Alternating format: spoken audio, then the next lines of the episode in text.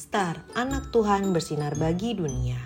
Renungan tanggal 4 Desember untuk anak balita sampai dengan kelas 1 SD. Diambil dari Yesaya 9 ayat 5. Dan namanya disebutkan orang penasehat ajaib, Allah yang perkasa, Bapa yang kekal, Raja damai. Tuhan berjanji.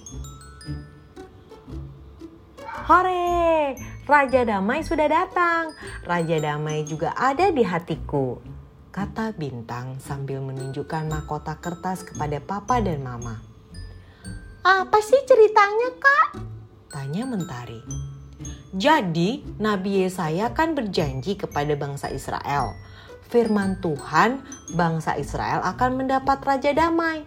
Nah, terbuktikan Yesus lahir ke dunia kata bintang. Adik-adik, sudahkah Raja Damai ada di dalam hati adik-adik? Kalau Tuhan Yesus sudah ada di dalam hati adik-adik, ayo ceritakan kepada papa mama dan om tante. Katakan Tuhan Yesus adalah Raja Damai, ia tinggal di hatiku.